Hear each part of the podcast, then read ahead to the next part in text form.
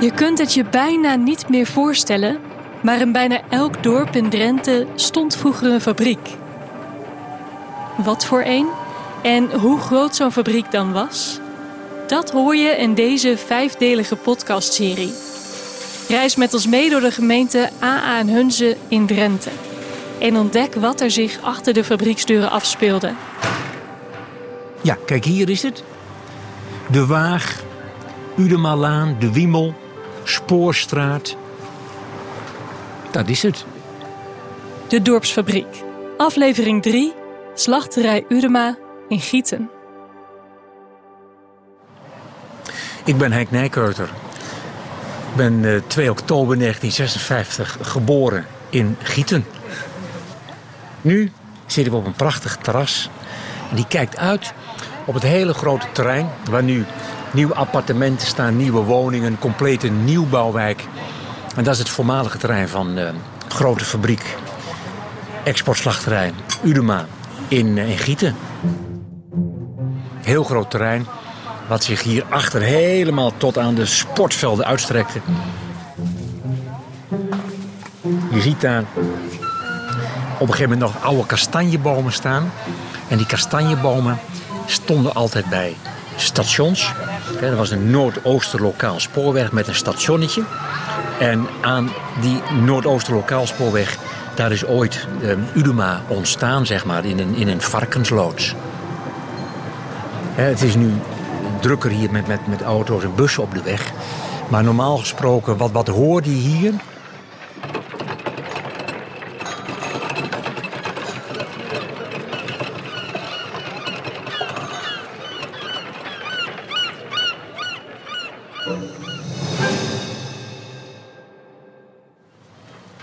Opa die heeft eh, 40 jaar bij Udema gewerkt. En ook mijn vader heeft 40 jaar eh, bij Udema gewerkt. Mijn vader zei van, eh, wat wil je? Wil, wil je werken? Wil je studeren? Nou, ik wilde wel studeren. Maar dan moest ik natuurlijk ook een groot deel van mijn, eh, van mijn studie moest ik, eh, moest ik aan het werk. Eh, en, en op een gegeven moment, ja, dan, dan maak je dat kenbaar. Ik wil wel aan het werk. En de eerste jaren, zeg maar, toen heb ik gezegd van nou, dan wil ik ook graag bij opa aan het werk. Want mijn opa, dat was wat ze dan hier in Gieten noemden, was de beul. Opa stak de varkens.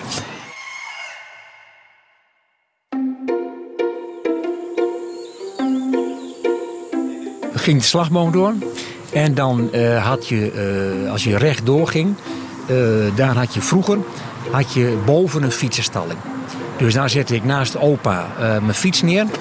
En dan zeg maar, was het eerste slaglokaal, het moorhok, zat eigenlijk gelijk onder die fietshokken. Dus waar opa werkte. Van het begin had je een complete slaglijn. Varken ging aan ja, een soort, soort takel, zeg maar, ging hij door de hele fabriek.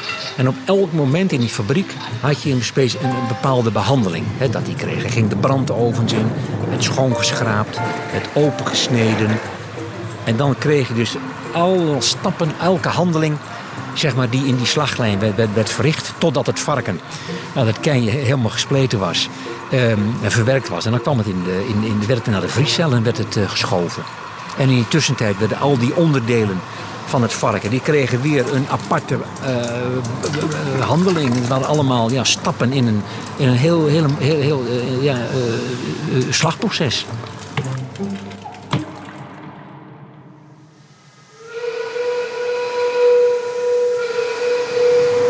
Udema had ook een, een oel, noemen ze dat. Een grote een, een fabriekspijp.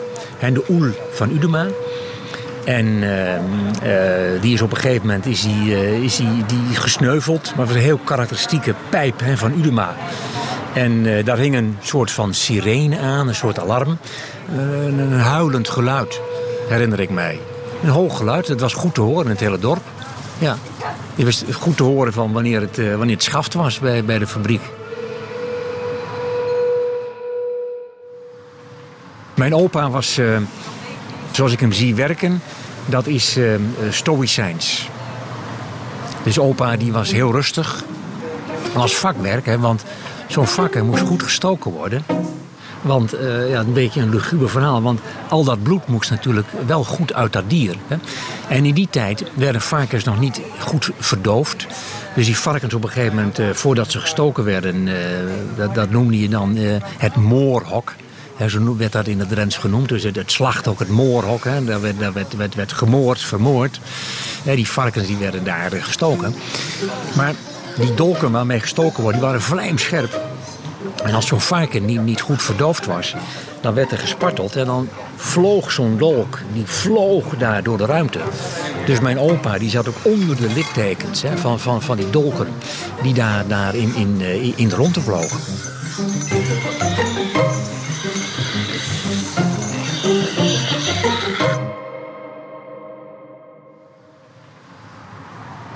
Mijn oma die, uh, nou, die vond het altijd wel uh, gevaarlijk hè, dat ik ook in de fabriek werkte, ook bij opa.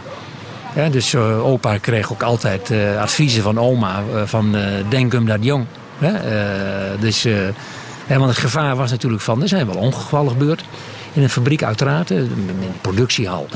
ook heel veel snijwonden, dat soort dingen. En dat is natuurlijk inherent aan, aan het werken in zo'n fabriek. Ja, daar, daar gebeuren ongevallen. Ja, je, moet, je moet goed oppassen eh, met, met, met de handen, met je karren en zo. Dat, dat, uh, dat je niet een eh, vinger verloor bij, bij, bij een kar en dat soort zaken. En vooral met het werken met messen en, en, en, het snijden. Ja, dat is, moet je oppassen. Ik was natuurlijk wel eens wild en onbezuist hè, en gevaarlijk. En opa die, die keek maar rustig. In de hoogtijdagen van een fabriek moet je je voorstellen toen het een eh, onderdeel was van het Unilever-concern. Eh, toen werden er 500.000 varkens per jaar werden geslacht. En in de grote tijd, maximale tijd, van vooral na de jaren 60, had Udema ongeveer 450, 500 werknemers in dienst. En die kwamen van alle windstreken. Die hadden speciale bussen die ook uh, werknemers morgens wemelt hier van de bussen. Uh, werden werknemers gebracht al helemaal uit delen van Groningen. Onstwedde, al die kanten op. Italiaanse werknemers hebben we hier nog gehad. die zijn hier nog gebleven. En dus hele families die zijn hier ja, door, door, door Udema zeg maar, zijn ze hier geworteld. En zijn, zijn ze verder gegroeid. Dus de fabriek is van heel groot sociaal economisch belang ook geweest voor, uh, voor gieten. Je ziet het hier, hè? het is uh, behalve straatnamen die, die refereren aan, aan vleesproductie, is daar gewoon helemaal niks meer van over. Dus van een, een fabriek die, die enorme grote betekenis is geweest voor, voor, voor gieten en omgeving. En daar, daar rest niks meer van. Niets meer wat, wat daar aan herinnert. Visueel tenminste kun je niet, niets meer zien.